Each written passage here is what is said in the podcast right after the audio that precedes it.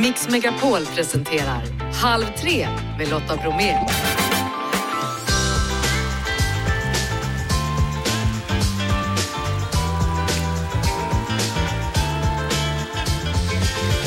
Hallå där och varmt välkommen in i Halv tre-studion denna fredag. Och det är fredag, det betyder följande mix. Vilken vecka! Fredagshäng med Dileva och Helena Bergström.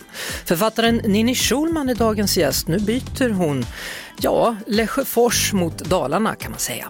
Ålfiske och politik, hur går det ihop? Vi ställer frågan efter halv fyra. Stjärnkocken Sebastian Gibrant ger oss mattips. Han är vår gästkock nu framöver. Och självklart så kollar vi också in vem som ska med på Mix Megapols fjällkalas. Det är Dalsland som är dagens landskap. Det hör ni efter klockan 16. Nu kör vi! Thomas Di Leva, välkommen hit. Tack så mycket Lotta. Hur sammanfattar du, ja, kul att vara här igen. kul att vara här igen. Ja, kul att ja. ha dig här igen framförallt.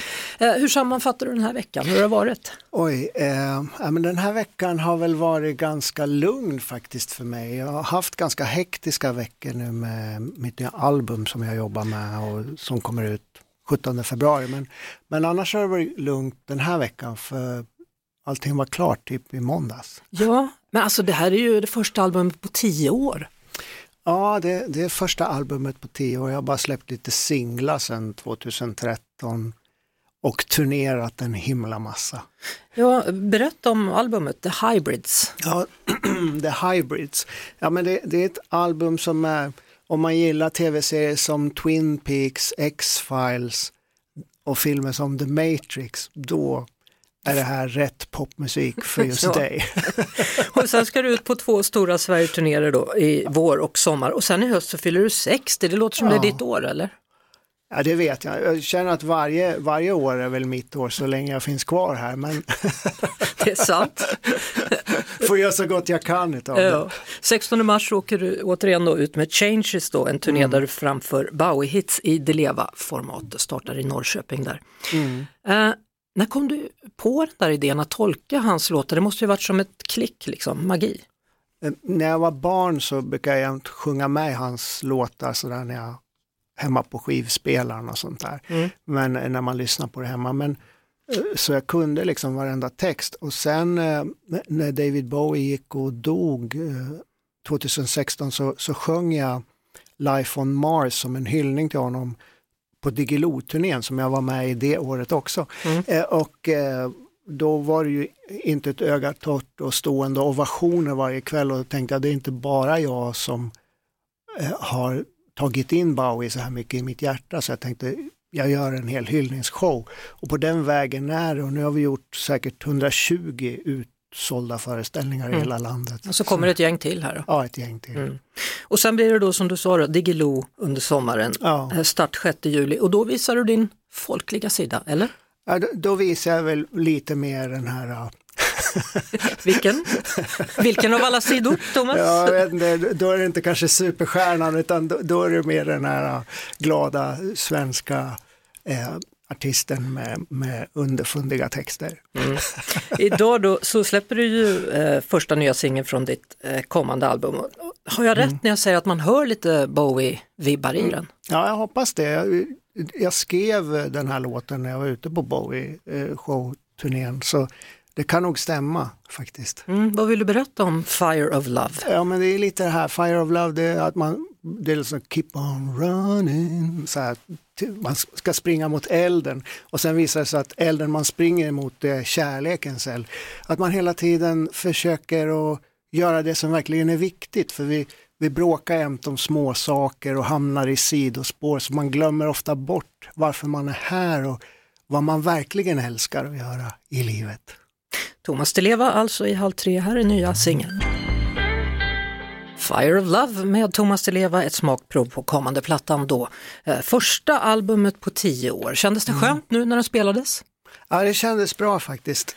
Ja. Jag var lite nervös innan. Ja, och nu känns det lugnare? Ja, det, det, känns, det känns ganska lugnt. Jag känner mig rätt, eh, rätt eh, glad att det är klart också. För Mm. Jag har hållit på rätt mycket med mitt nya album och med den här singeln. Och, ehm, Och bestämt hur det ska bli? och så. ja, och Ja. n- nu kan jag äntligen bara slappna av och det kan få leva sitt liv. Mm. Eh, Fokusera på det man brinner för handlade det bland annat om i den där låten. Helena Bergström, välkommen till Halv tre. Tack, tack. Ja du, du brinner ju för film. Ja, jag brinner för film och även musik. Det här var vä- väldigt bra tycker jag. Jag lyssnar på låten här. Tack. Eh, och det är alltid, alltid nervöst där när, när det, det man har gjort ska liksom flyga iväg för sig själv. Det är liksom, det är jättejobbigt men samtidigt så är det dit, dit man vill att det ska vara liksom. Mm. Så att, eh, ja, jag förstår dig Thomas. Ja, tack Helena. Det är lite nervöst ibland. Med, med tanke på att du brinner för film då Helena, så ska du väl på Guldbaggegalan på måndag eller? Eh, nej, nej, jag har ju lite konstig relation till den här Guldbaggegalan. Jag blir ju tillfrågad och blev i år också att dela ut pris eller eh, om man inte är aktuell med någon film eller så, så, så blir man ofta så här, liksom, att de vill att man ska komma. Men eh, under alla år, jag jag har liksom jobbat med film i över 30 år, så har det varit en, alltså när jag hör den här signaturen, där, den här trudelutten som är med, Ja. så får jag så här total ångest. Varför då? Så att jag, för att det har liksom varit under åren så mycket tjafs och det har varit liksom publikfilm kontra den här smala filmen och vem som ska vinna och vem som inte vinner. Det är ofta väldigt konstig stämning där man önskar att, att man bara skulle få slappna av att det skulle vara en branschfest som det faktiskt är och den skulle jag i så fall jättegärna gå på. Men just Guldbaggen för mig just nu Eh, det kan ju ändras. Eh, känns inte sådär jätteaktuellt. Liksom. Jag är inte Nej. aktuell med någon film Men det- nu. Så att det, Ja, Mm. men det är intressant Thomas, det kan du säkert också relatera till det här det smala kontra det breda. Ja, Nej, men jag, jag tycker det är viktigt att, att kunna, speciellt i dagens värld när allting ska vara så himla kommersiellt och formatstyrt, så är det viktigt att göra saker som inte är så kommersiellt och formatstyrt, att man gör saker som man älskar bara för att det, det är så mycket som görs också idag. Det är liksom det, det släpps så mycket nya filmer och eh, låtar och böcker varje, varje dag så att liksom, liksom man är bara en atom i ett stort atombrus också. Så det är viktigt att älska den där atomen som man är. Ja, hur går det med det Helena? Går det bra att älska atomen som du är?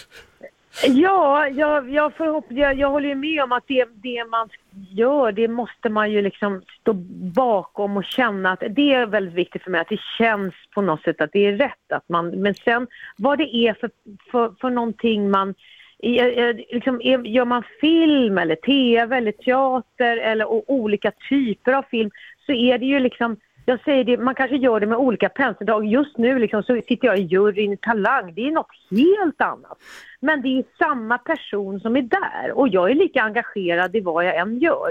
Sen är det ju vissa projekt som ligger en närmare om hjärtat. Det, måste, det kan man ju inte Mm. eh, liksom backa ifrån. Men, men eh, det är viktigt att man liksom känner för det man gör. Mm, jag tänker vi, vi lyssnar på ett klipp från eh, förra veckans första program då för Talangjuryn. Ha- Papegojan kom fram. Alltså,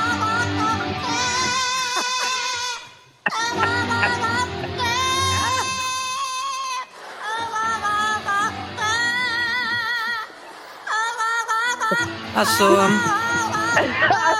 man brinner för det man gör. Nu börjar jag skratta på samma sätt som jag gjorde faktiskt där. Ja. Det var så galet. Det är ju lite Kiviks marknad över det hela. För att det är ju liksom från det e- ena stunden så är det en papegoja som sjunger så här. Nästa stund så sjunger en ung tjej på ett fantastiskt sätt. Medan någon annan liksom står på huvudet och står och bollar. Liksom med någon. Alltså det är ju helt crazy. Men- men och är- det är faktiskt galet. ja, men i ett sånt här läge, vem bedömer du då? Bedömer du den som tog in papegojan på scen eller bedömer du papegojan? Nej, jag bedömer att jag hade fruktansvärt roligt. Jag skrattade så jag skrek. För det var Ja. ju helt absurt. Så att då bedömer jag att jag blev extremt underhållen och tycker att det här är en fantastisk papegoja. Vad mer kan man göra liksom? Man kan inte säga så här liksom att papegoja skulle du kunna... Utan det är liksom, vad, vad känner jag i stunden? Blir jag underhållen? Och, då, och jag blev ju galet underhållen. Jag tror att jag sa ja till den där papegojan. Ja, Ja. ja, gick den vidare då? Ja, nej men det gjorde den väl inte för det, var, det, är, så, det är ett litet nålsöga för att kunna gå vidare liksom, eh, till semifinal. Men eh, den gick vidare ett steg i alla fall Ja. och jag blev underhållen. Den gick Så vidare i våra hjärtan. Ja, det gick vidare i våra hjärtan. Såg du den papegojan, Nej, Thomas? ty tyvärr inte. Jag, höll, får gå in jag, och kolla. jag får gå in och kolla efterhand. Ja, jag känner också att jag behöver se den där papegojan. Man, man behöver ha den i sitt det liv, den upplevelsen. Ja. Ja. ja, det är mycket sånt där, liksom, sånt som kan glädja en nu i dessa mörka tider så, så är det faktiskt väldigt, väldigt skönt. Mm. Eh, dessutom då, om vi pratar om dessa tider, det har ju varit Merkurius retrograd, den slutade ju i onsdags den 18. Har ni koll på den? Thomas, jag vänder mig till dig först. Eh, Nej, inte så mycket faktiskt. Jag, inte, Nej. jag brukar ha ganska bra, jag brukar lyssna så på astrologer på YouTube och sånt där. Mm. För jag tycker det är roligt och underhållande. Så här när jag har någon paus ibland i studion när jag sitter och spelar in eller strax innan jag ska gå på scen eller något sånt där. Tycker jag är roligt. Men, men de sista veckorna har jag inte riktigt hängt med i astrologin. Nej men det var bra för dig att du inte har gjort det då, eller hur det nu är. Det har i alla fall inte påverkat nya plattan för allting har gått bra. Grejen med det här Merkurius retrograd, säger jag till dig då Helena, det är att planeterna står på ett sådant sätt att det kan påverka oss och händelser på jorden, både elektronik och kommunikation säger de lärda astrologerna. Aha. Så jag vet inte hur du har kommunicerat i veckan som var, har det gått bra eller? Eh, Men det kan, alltså det kan vara något att påverka, för det har varit lite knepigt med, med kommunikation och eh, det, det, med, på olika sätt under den här veckan. Jaha. Eh, så, att, eh, och, så det kanske är de här planeterna som på, har påverkat, jag vet inte. Även Jag får, tro, internet. jag får skylla ja. på det i alla fall. Ja, Internet ja, okej. också har känts lite segt Ja. tycker jag. Ja, det är sant. Ja, då och då har internet gått ner för mig. Eh, vi hänger, vi hänger i halv tre här på Mix Megapol tillsammans med Dileva och Helena Bergström. Nu tänkte jag vi skulle prata om, om något så märkligt som gigashad. Det är någonting som försigkommer ute på internet och eh, väldigt många yngre personer håller också dessutom då på att hylla det här. Det kallas för ett riktigt internetfenomen, gigashad. Vi ska lyssna lite grann på när eh, någon beskriver vem gigashad egentligen är. The face of GigaChad is truly a sight to behold, and one you simply can't escape from in most corners of the internet. Whichever website you go to, you're bound to come across this muscular tower of a man, his charming smile, and his impossibly chiseled jawline. Giga Chad has become the ultimate symbol of ultra masculinity. He's an apex alpha male, teeming with testosterone, who overcomes adversity and cares not for what others think. Ja, kära någon, vad säger vi? Ja, nej, men Vi det, börjar hos dig Dileva. det finns folk till allt. Ja. Eh, om, om, om du ska beskriva honom, hur ser han ut? Ja, man ser ut som att han gillar att gå på gym och det är väl positivt men han ser också väldigt photoshoppad ut. Eh, det vill säga att man tar in bilden i ett internetprogram och så fixar man till så det Ja. blir ännu bättre. He- Helena, vi skickade bilden till dig här på Gigashad. Det här, det här är barn som håller på och skickar och diskuterar sånt här på skolan. Ja, nej men det är, väl, det är väl väldigt tragiskt. Nu måste jag säga att alltså, jag tror att, att det liksom, det har hänt något internet. Jag sitter ju på telefon Mm. och det, det kopplades liksom bort. Så jag tror att det, det, det kanske är de här planeterna som gjorde något. Ja, det är. Merkurius. Så att jag, Retrograderna. jag, det var, jag miss, missade lite i början. här. Så jag känner att jag ska ju liksom... Det låter ju fruktansvärt konstigt allting. Ja, nej men Eh, alltså, och Jag ja, kan inte uttrycka mig för jag har inte riktigt någon koll. Jag har inte fått någon bild heller faktiskt. nej men alltså Gigashad då, det, det är ett internetfenomen och det ser ut som liksom, du vet, någon som har tränat halvt ihjäl sig och har alla muskler Ja. som kan finnas på kroppen Och mer. och mer. Och jag, jag frågade min dotter igår då om hon visste vad det var. Ja, och så, ja, och så sa jag, men kan du förklara då? Nej, sa hon då. Men då hade hon en kompis som sa att det där är en, en rysk installation. Ja, okej. Ja, jag vet inte. Alltså det är inte en riktig människa, eller liksom använder man den till, på porträtt av sig själv? Man eller? vet Nej, men- inte det. Man vet inte det. Man vet bara att man ide idealiserar och tycker att det där är ju så som en man ska vara. Men jag tror att det, det är också ett fenomen som jag tror kommer ur den här tiden att alla ska vara så himla världsbäst och alla ska vara starka. Alla ska liksom vara stjärnor på sitt eget sätt. Och, eh, vad hände med att bara vara snäll? Ja, vad hände med det? Vad hände med det Helena? Ja, nej men, nej, men det, det, det som är nu, det, det är otroligt mycket krav på alla sätt och vis. Så det, det är klart att det här blir är ju, blir ju bara ännu, ännu värre om det kommer in liksom sånt som man inte vet var det kommer ifrån som påverkar våra barn. Ja, men sånt här är vi ju omringade av konstant och de här kraven på oss att lyckas och liksom eh, Um, så att det är ju, jag tycker det är ju jätteläskigt på alla sätt och vis. Men en, den här Gigashad vet man ju inte om den finns då, utan det är ju något slags internetfenomen. Men sen har vi ett annat internetfenomen som faktiskt finns på riktigt och det är den här Andrew Tate som dissade Greta och sen åkte fast för människosmuggling ja. och allting. Och han sitter ju och går ut och unga killar tycker att men han är jättebra. Mm.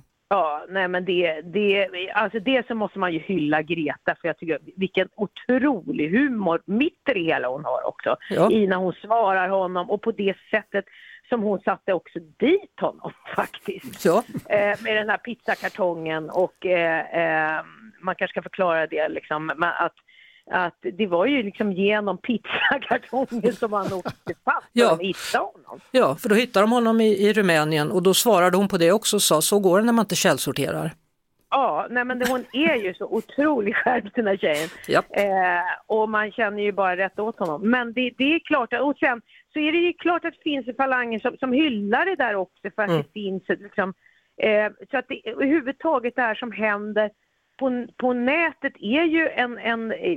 Jag vet nu, liksom jag sitter i talangjuryn med Johanna Nordström, hon har precis pratat i sin podd om hur mycket hat som kom in liksom bara hon, på grund liksom att man, det eskalerar och hon mm. berättar om det här liksom näthatet och det är så liksom, det är Eh, det är på något sätt, du säger så här Thomas, ja, mm. vad, vad, tog den här snällheten vägen? Jag säger så här, vad tog det här mötet vägen? Ja. För vi skulle inte kunna vara så här mot varandra om vi tittade varandra i ögonen. Nej. Det är ju det här det anonymiserade som gör att vi liksom går överstyr liksom, och är mm. jävligt mm. elaka mot varandra många gånger.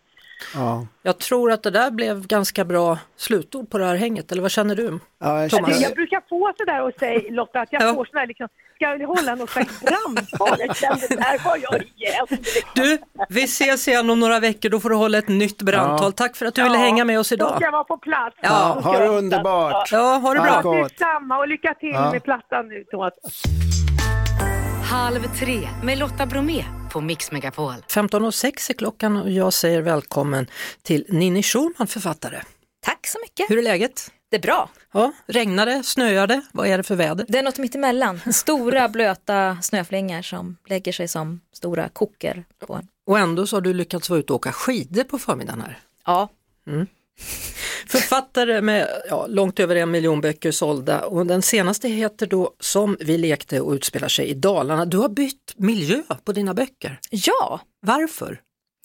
Jag kände mig ganska klar med Hagfors. Jag har skrivit sju kriminalromaner som utspelar sig i Hagfors och efter sju böcker så kände jag mig ganska färdig. Jag hade berättat det jag ville berätta just nu om den platsen.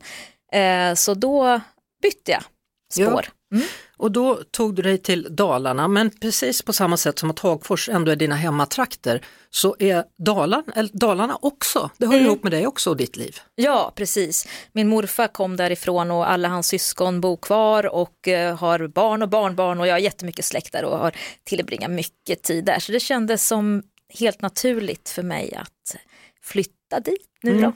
Hur, hur, gick det i lördags? Det var bokrelease i Mora va? Ja, det var jättekul. Oj, oj, oj. Kände du igen de som kom för att kolla in dig och boken eller? Ja, jag var släkt med typ allihop.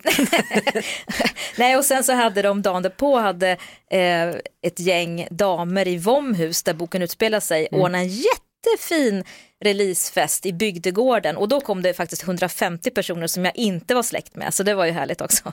Men du, hur går det till på en sån fest då? Kommer någon fram och vågar fråga dig? Är det, är det den du beskriver egentligen? Är det honom eller henne där? Så kan det vara, så kan det vara. Alla känner igen sina grannar, sina konstiga lärare och tränare och sådär men ingen känner igen sig själv, så är det ju alltid. Nej men har de fog för det då? Det är du som skriver. Um, nej, jag tror att de kan vara ganska trygga med att jag hittar på. Är det så? Mm. Mm. Hur var det att växa upp i Bergslagen då? För det är ju en ganska speciell plats. Det är ganska speciellt. Eh, det, det är speciellt att, att växa upp i en liten bruksort där allting går neråt hela tiden. Det blir en väldigt speciell stämning. Eh, lite, lite dystert faktiskt. Eh, så jag drog ju därifrån så fort jag hade möjlighet. Men sen så skrev jag böcker om de här platserna istället. Med lite distans då, både i tid och rum liksom, så fick jag en annan bild av det. Ja, alltså jag, jag- blir alltid fascinerad av er eh, spänningsromansförfattare, att ni, ni kan hitta så många br- brott som begås på en sån liten plats. Visst är det konstigt? Ja, Ja, det är som i morden i Midsommar, det är Ja, ja. väldigt vad folk dör där. ja jag vet, jag vet, jag vet. Och de som inte flyttar ifrån de här ställena frivilligt, de mördar man en efter en. Ja, men, men, men vad var typiskt för, för där du bodde då? Ehm, det typiska är väl att ehm, det är en bruksort som sagt var, det nästan alla jobbar inom industrin. Ehm, och eh, på den tiden så störde jag mig jättemycket på jantelagen, man skulle det var ganska snäva ramar kring vad man fick göra och inte göra. Det var, det var väldigt lätt att inte passa in, så kan man säga. Ehm, och eh, ja, men jag kände mig väl lite udda där. Det är intressant att du säger på den tiden. Mm. Nej, för sen så, så är det som att när jag flyttade därifrån, vilket jag gjorde direkt när jag slutade gymnasiet, så, så får man liksom en annan bild. För det finns ju också en väldigt fin sida av det där att alla känner varann och man har koll på varann. Då tyckte jag att det var som att man var övervakad nästan. Men, men sen så märker man ju att det finns något fint i det också, att man faktiskt bryr sig. Eh, ja, så att det har ju, jag har en helt annan bild nu. Senaste boken heter Som vi lekte och utspelar sig då i Dalarna med nya personer dessutom. Ja, Mm. Är det kul att bygga upp ett nytt persongalleri tro? jättekul. Ja, Fast det är svårt, det är, det är mycket mer att tänka på än man tänker sig. Eh, men underbart roligt, det är det roligaste som finns. Då kan fortfarande allt bli så himla bra. ja. Ja. känner du dig nöjd när du har skrivit det sista ordet eller när blir du nöjd över något du har gjort? Jag blir nästan aldrig nöjd, men, men eh, jag är ganska nöjd med den här boken faktiskt. Vad skönt. Mm. Du, eh, apropå eh, en, en liten by och att vara annorlunda och så, då. din mormor hon var speciell. Ja, det dig. var hon. Ja, Ja, var hon annorlunda då? det tycker jag att hon var. Eh, hon, ehm, nej men hon, hon uppmuntrar mig mycket. Jag var dagbarn hos henne så att eh, hon präglar mig mycket. Så hon läste väldigt mycket för mig eh, och vi målade tillsammans och hon var väl ja, men hon var väldigt intresserad av omvärlden och politik och P1 stod alltid på, hon satt där och, och läste och, och så. Så att, ja, jag tror att jag fick in liksom världen via henne. Och så läste hon för dig också, Ja, det gjorde hon. varje dag. Ja, hela tiden. Jag var, jag var jättedålig på att läsa när jag var liten. Jag vet inte om det är hennes fel eller om det var hon som räddade mig. Men hon kunde sitta och läsa Ronja Rövardotter liksom, från perm till perm och när jag somnade så läste hon klart. Jaha, så du fick aldrig veta hur det slutade? Nej, då tog hon om det dagen på. Men det fanns den där äkta lusten i hennes eh, sätt. Ja, och, och sen förstår jag att du ärvde henne sen när hon avled. Ja, lite grann i alla fall. Ja, Ja, fick du ett gäng böcker. ja det fick jag. Det, Ja, och jag fäste mig vid att det låg recensioner i varje bok. Ja, ja visst. Hon, hon läste ju på riktigt och, och tog till sig, eh, läste Aftonbladet varje dag och det låg recensioner i nästan varenda bok. Så här, Torgny Lindgren och Sara Lidman och ja, men hon läste tunga, tunga författare. Ja. Eh, Du då, du skriver ju eh, psykologiska spänningsromaner, men du firade ditt tioårsjubileum som författare med att skriva om dig själv. Mm. Var det dags? Ja, det var ju det. Varför? Eh, därför att den boken har nog legat i mig ända sedan tonåren och vela ut på något sätt. Eh, och sen så har jag inte riktigt vågat, jag har inte riktigt haft eh, alla pusselbitarna på plats. Eh, och sen så tror jag att det har att göra med att, att jag hade väl någon medelålderskris kanske eller så. Där jag kände att nu, nu tar jag tag i det här. Eh, Och så gjorde jag det. Flickebarn nummer 291. Ja. Och det var inte helt enkelt att skriva jag förstått, för det var mycket ångest som kom där och, funderingar på Ja, saker det och var jättemycket ångest. Eh, Skriva deckare är en barnlek i jämförelse med det här.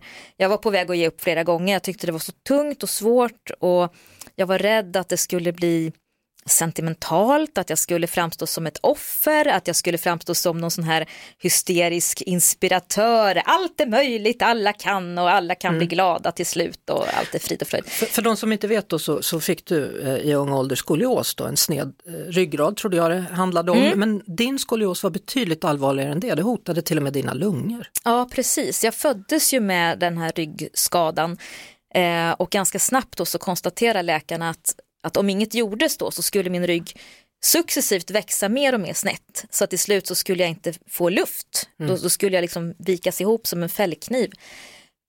Um, så det var ju mina första år var ju med den dödsdomen över mig. Det visste ju inte jag men det visste ju alla runt omkring.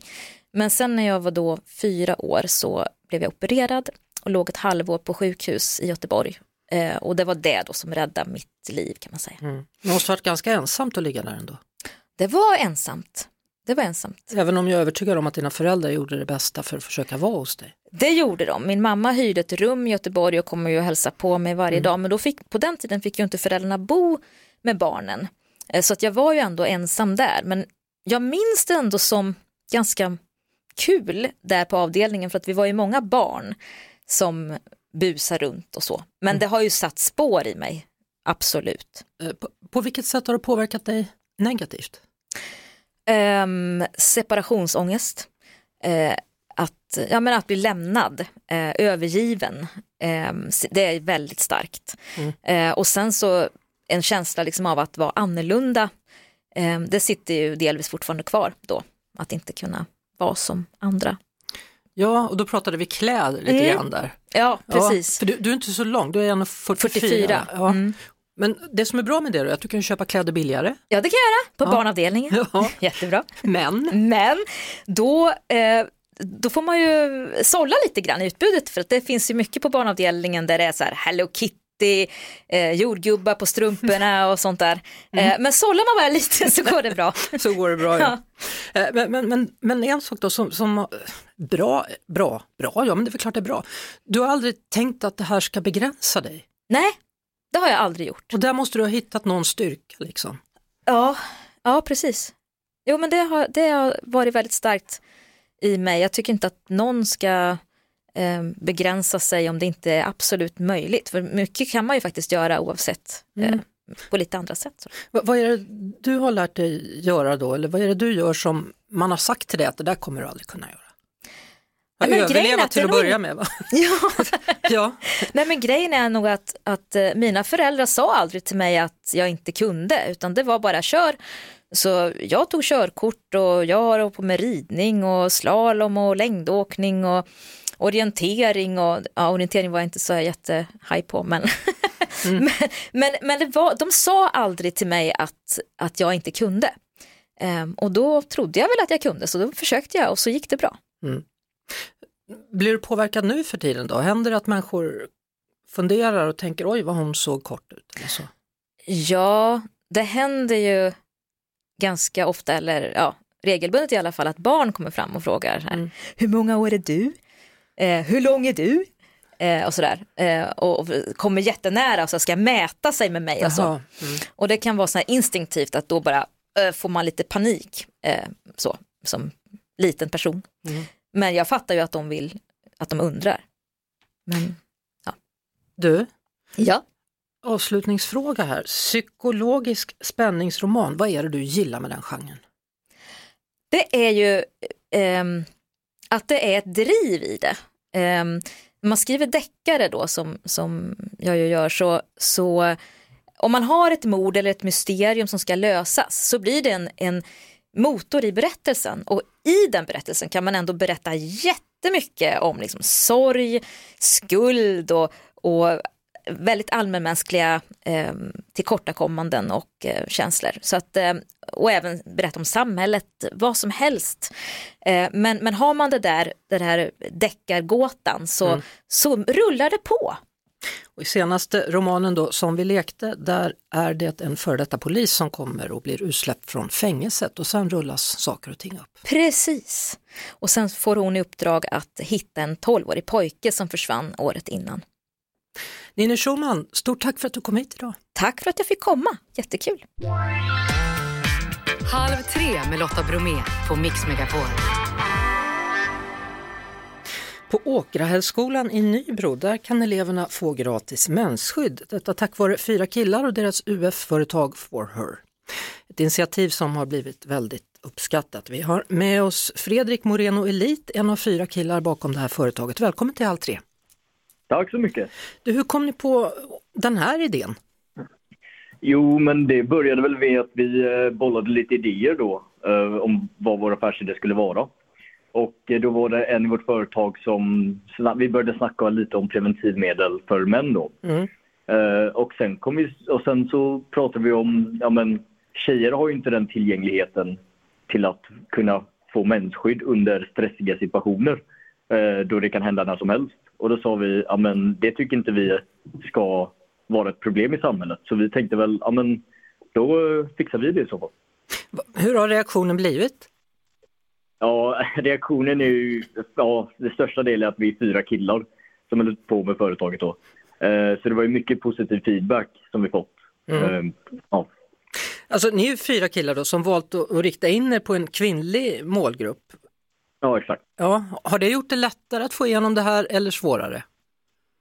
Nej, alltså det har ju varit eh, först då vi inte vet så mycket om ja, just eh, mensen då mm. så har det varit lite så här, ja, men ska vi ha bindor?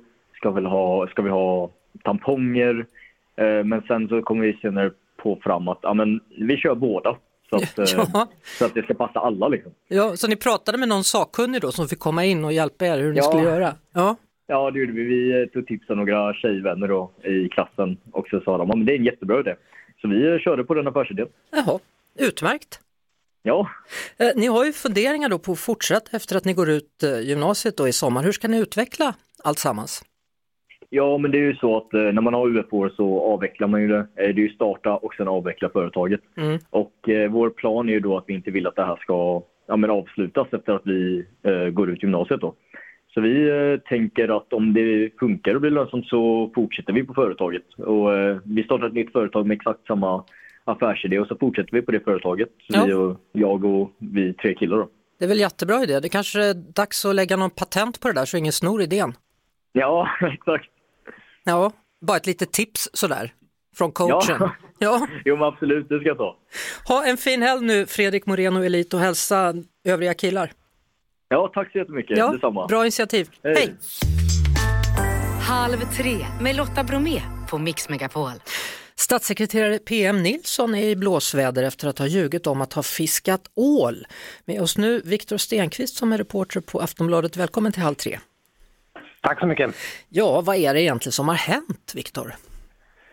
Eh, ja, men det var ju lite så att PM Nilsson hamnade i blåsväder när det uppdagades att han hade tagit emot ett straffföreläggande. Det gick ju aldrig till domstol, men eh, det visade sig att han hade för ett och ett halvt år sedan eh, nästan eh, fiskat ål ute i den blekingska skärgården där. Och sen hade han glömt bort det där i princip, för det gick så pass lång tid från september 2021 fram till december förra året innan polisen hörde av sig till honom igen. Mm. Och då, då förhördes han om det här och eh, nekade till att han hade eh, fiskat någon trots att han hade påträffats med eh, fiskeredskap och ålar i båten. Eh, han blev tagen på bar gärning där eh, när han var ute av två stycken fiskkontrollanter.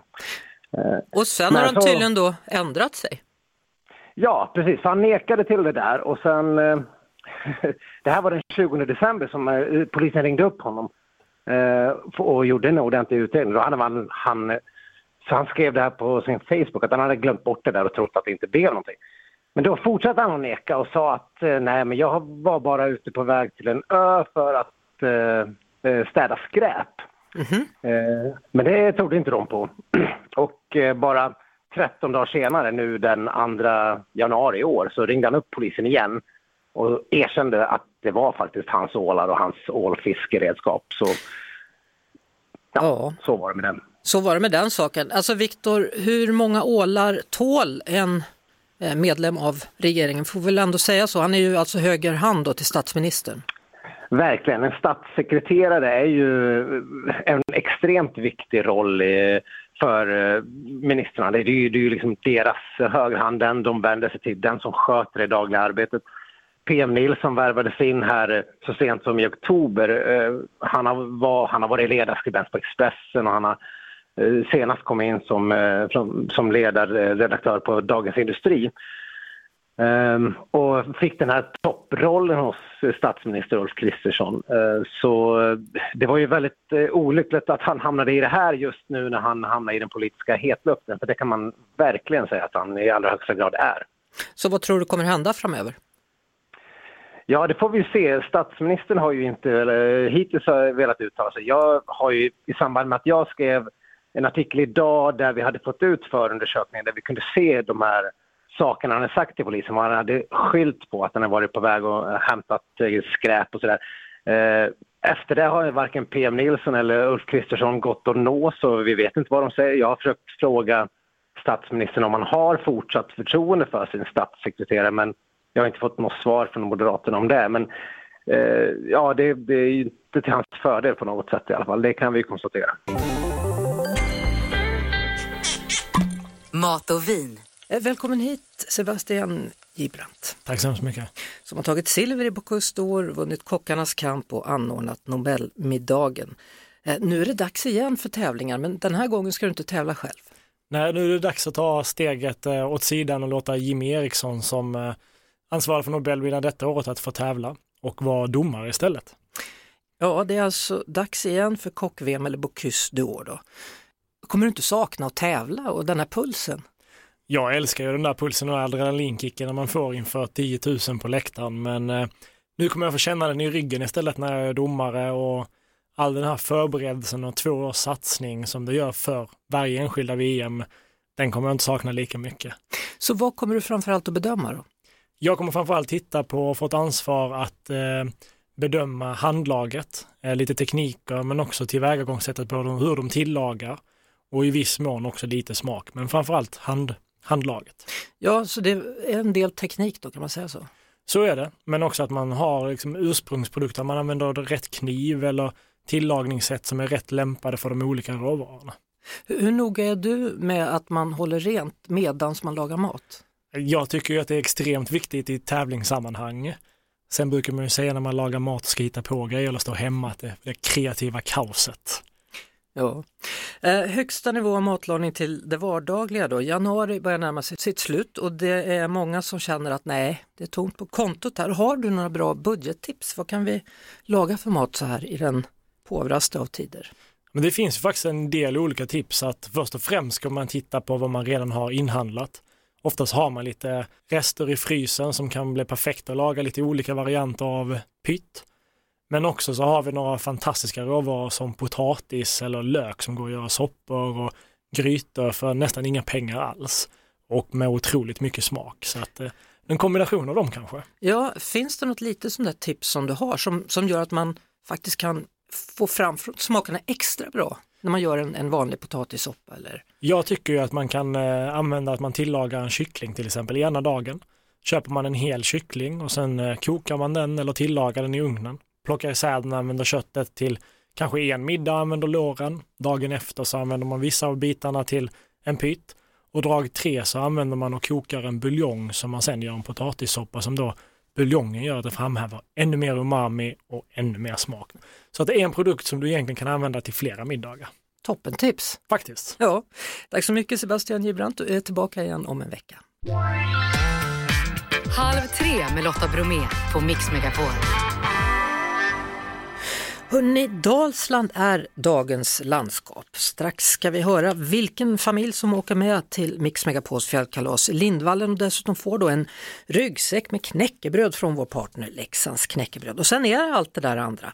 Ni vet skidorna, fjällstugan, skidpass, god mat och så konserter på kvällen då med både Marcus Martinus, Molly Hammar och Arvingarna.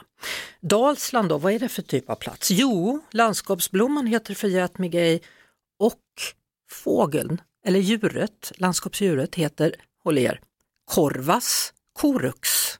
Vill ni höra en Corvax corux? Här har vi den! Corvas corux en korp. Mix Megapols fjällkalas. Mm, då är det dags att ta sig en titt på vem det kan bli då. Vi kan väl börja i alla fall med att prata med Sara Bryngesson. Hallå där Sara! Hallå, hallå! Frändefors, vad gör man där en fredag?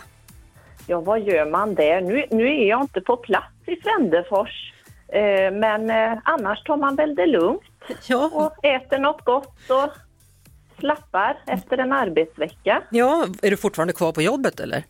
Nej, det är jag inte. Jag Du- slutar klockan 12, så nu är jag nere i Trollhättan. Jaha, vad gör Ja. man där? Du, där har jag varit och gjort en ansiktsbehandling. Åh jäklar! Ja, Det är liksom den presenten du ger till dig själv efter en arbetsvecka. ja du, det kan behövas. Jaså? Ja, vad Ja, jobbar du med annars? Jag jobbar uppe i en fabrik i Färgelanda Mhm. som eh, gör plastdetaljer till bil och lastbilsindustrin. Är det kul? Ja, det tycker jag. Det är full fart och ja, man får röra på sig mycket och Ja. ja, så det, och bra arbetstider så att nej, det är jättebra. Mm. Vad är det som lockar dig med en fjällresa då? Du, jag får säga min, min pojk Gustav, han har tjatat och tjatat om och alla andra barn, alla kompisar åker till fjällen utan vi. Jaha. Så han har inte åkt skidor någon gång. Och då Mm. tänkte jag, tänk vad roligt för han att få komma upp och Ja, åka. Ja, och nu pratar Och du slalomskidor pratar du om nu va? Ja precis. Mm. Ja, Och, och maken hörde- eller sambon, vad säger han? ja, han tycker ju det skulle vara jättehärligt också att komma iväg. Ja, Och ja. Vi har ju inte åkt på 20 år, varken jag eller han. Oj, det, oj, oj. Ja, Ja. Det, det är dags nu. Och sen hörde du vilka som ska spela också va? Ja visst, vet du, Arvingarna. Det är ju några idoler till mig. Ja, är det de du Ja. röstar på när det är mellodags? Då, då får de din röst. Jajamän, Ja. då får de min röst, absolut. Det är klart de ska ha. Vet du Ja. vad Sara, jag Ja. funderar lite här. Ja, Har du något emot att börja packa eller? nej, inte något. Då säger jag grattis till dig Sara. Du får ta med dig familjen upp på fjällkalaset. Tu- Tusen, tusen tack. Stort, stort Gud tack. vad, åh vad roligt. Ja. Herregud. Varmt Ja, välkommen då i februari så ses vi. Tack snälla. Och hälsa. Jätteroligt. Hälsa familjen. Du, det ska jag göra. Tusen, tusen tack. Halv tre med Lotta Bromé på Mix Megapol. Hörni, vilken eftermiddag det har varit här i Halv tre med mig Lotta Bromé. Författaren Ninni Schulman berättade om att hon hade en dödsdom över sig i sina fyra första år i livet. Men har ändå sedan dess då bevisat att ingenting är omöjligt. Helena Bergström och Thomas Di Leva fredagshängde med oss och där försökte vi då reda ut fenomenet gigashad och eh, vikten av att vara snäll. Och det fick mig faktiskt att tänka på dansaren Tobias Karlsson som var gäst här tidigare i veckan. Det här är en av de berättelser han hade att berätta för oss. Jag kommer aldrig glömma det. Sist in kom jag på den där bussen med min nyinköpta Salomon-ryggsäck och var så lycklig att få börja sjuan. Och så precis som i Forrest Gump så, så gick jag förbi säten som var tomma och, och skulle sätta mig och de bara, nej men här får du inte sitta. Bara, är du knäpp? Här kan du inte sitta alls. Och kom längst bak i bussen där de alla så här gamarna satt liksom från Vrestorp. Värsta. Och så fanns det en plats där så jag försökte sätta mig och då var det en av de största och värsta killarna, han bara, är du helt jävla dum i huvudet? Tror du får sitta här, ditt äckliga feminina as? Mm. Och sen berättade Tobbe att det går över. Det går över. Om du som lyssnar nu har det jobbigt, det går över, det blir bättre. Vill ni höra hela intervjun så hittar ni som vanligt då alla halv tre-program på podplay.se. De finns liksom hela och klara för lyssning eller rekommendation. Och det här med att vara snäll då, en gång för alla, kan vi inte konstatera att det är alldeles för underskattat. Och nu när det är helg så är uppmaningen sluta vara rädda för varandra. Var rädda om varandra istället. Det är både min och Halv tres åsikt. Hörrni, Janne, Jeanette, Filip och Lotta säger tack för den här veckan. Vi är tillbaka igen givetvis på måndag. Fortsätt lyssna på Mix Megapol. Jeff Neumann är vår producent. Vi måste lyssna på Corvus corax en gång till. Alltså jag menar Corvus corax. Det är nog det hippaste latinska namn jag någonsin har hört på en fågel. Det är Dalslands fågel det. Corvus Corax. Korpen. Vi hörs såklart på Mix Megapol varje eftermiddag vid halv tre. Poddtips från Podplay. I podden Något Kaiko garanterar östgötarna Brutti och jag, Davva, dig en stor dos skratt. Där följer jag pladask för köttätandet igen. Man är lite som en jävla vampyr. Man har fått lite blodsmak och då måste man ha mer. Udda spaningar, fängslande anekdoter och en och annan arg rant. Jag måste ha mitt kaffe på morgonen för annars är jag ingen trevlig människa. Då är du ingen trevlig människa, punkt. Något Kaiko, hör du på Podplay. Därför är gardinerna.